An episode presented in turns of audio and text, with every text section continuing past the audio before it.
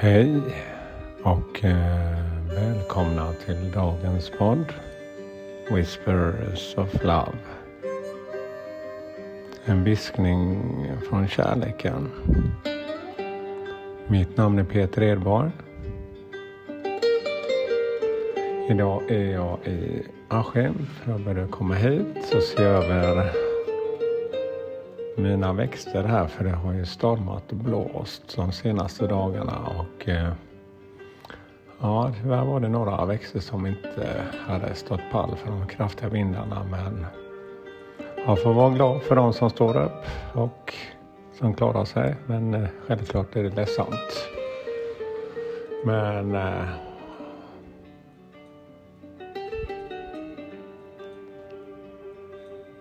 Jag får plantera nytt. Och eh, hitta en god energi igen. Men att få vara ledsen, det kan man, måste man också få vara. Alla känslor är viktiga att man bejakar faktiskt. Men vilken energi vill jag mest vara i? Det är det jag jobbar för. Det är kärleken. Så idag ska vi ta nytt kort för det här med Earth Wisdom, de här orakelkorten som handlar om vishet från Moder Jord. Så jag gör som jag brukar göra. Jag blundar, andas och eh, försöker hitta mitt lugn.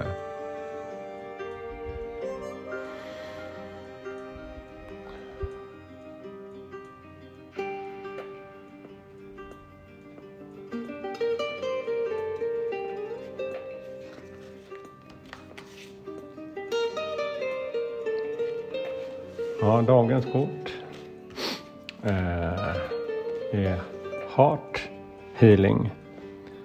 Healing av hjärtat. Det är ett vackert kort. Eh, det är som ett litet vattenfall. Och så är det väldigt mycket grönska. Man ser det här vattnet kommer ut från ett berg på en sten framför nästan som en sån här runesten runsten står strax nedanför vattenfallet. Ett tecken som inte jag vet vad det är. Det är en eh, rund cirkel. Och i den så bildas det som av eh, tre sammanhängande blad i den här cirkeln. Det blir som en stjärna i det där.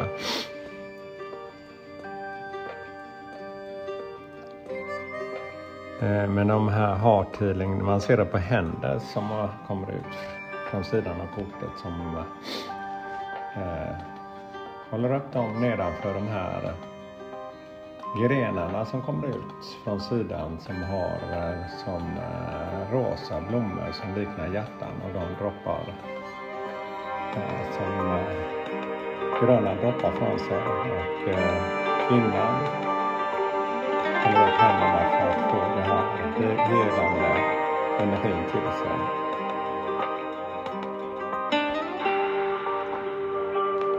Så det är mycket handlar om vilken kärlek som man vill ta emot sig och hur man vill hila den, sitt inre. För det är bara en själv som kan avgöra när man vill ta emot och förändra sin energi.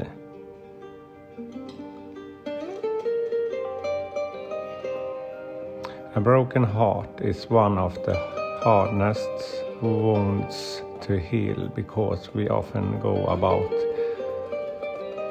it wrong, acting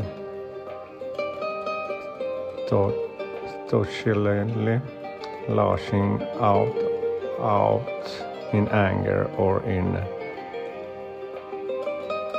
in non-productive self-pity and consequences distract ourselves from actually feeling the emotions. Ja, mycket handlar ju om att när man känner att hjärtat är brustet på något sätt, att någon nära eller att man själv sagt eller gjort något som är svårt och vilja känna de känslorna, för de känns ju inte alltid så bra om man känner att hjärtat påverkat kärleken inombords.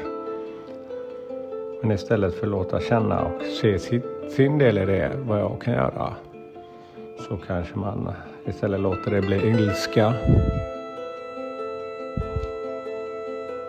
Så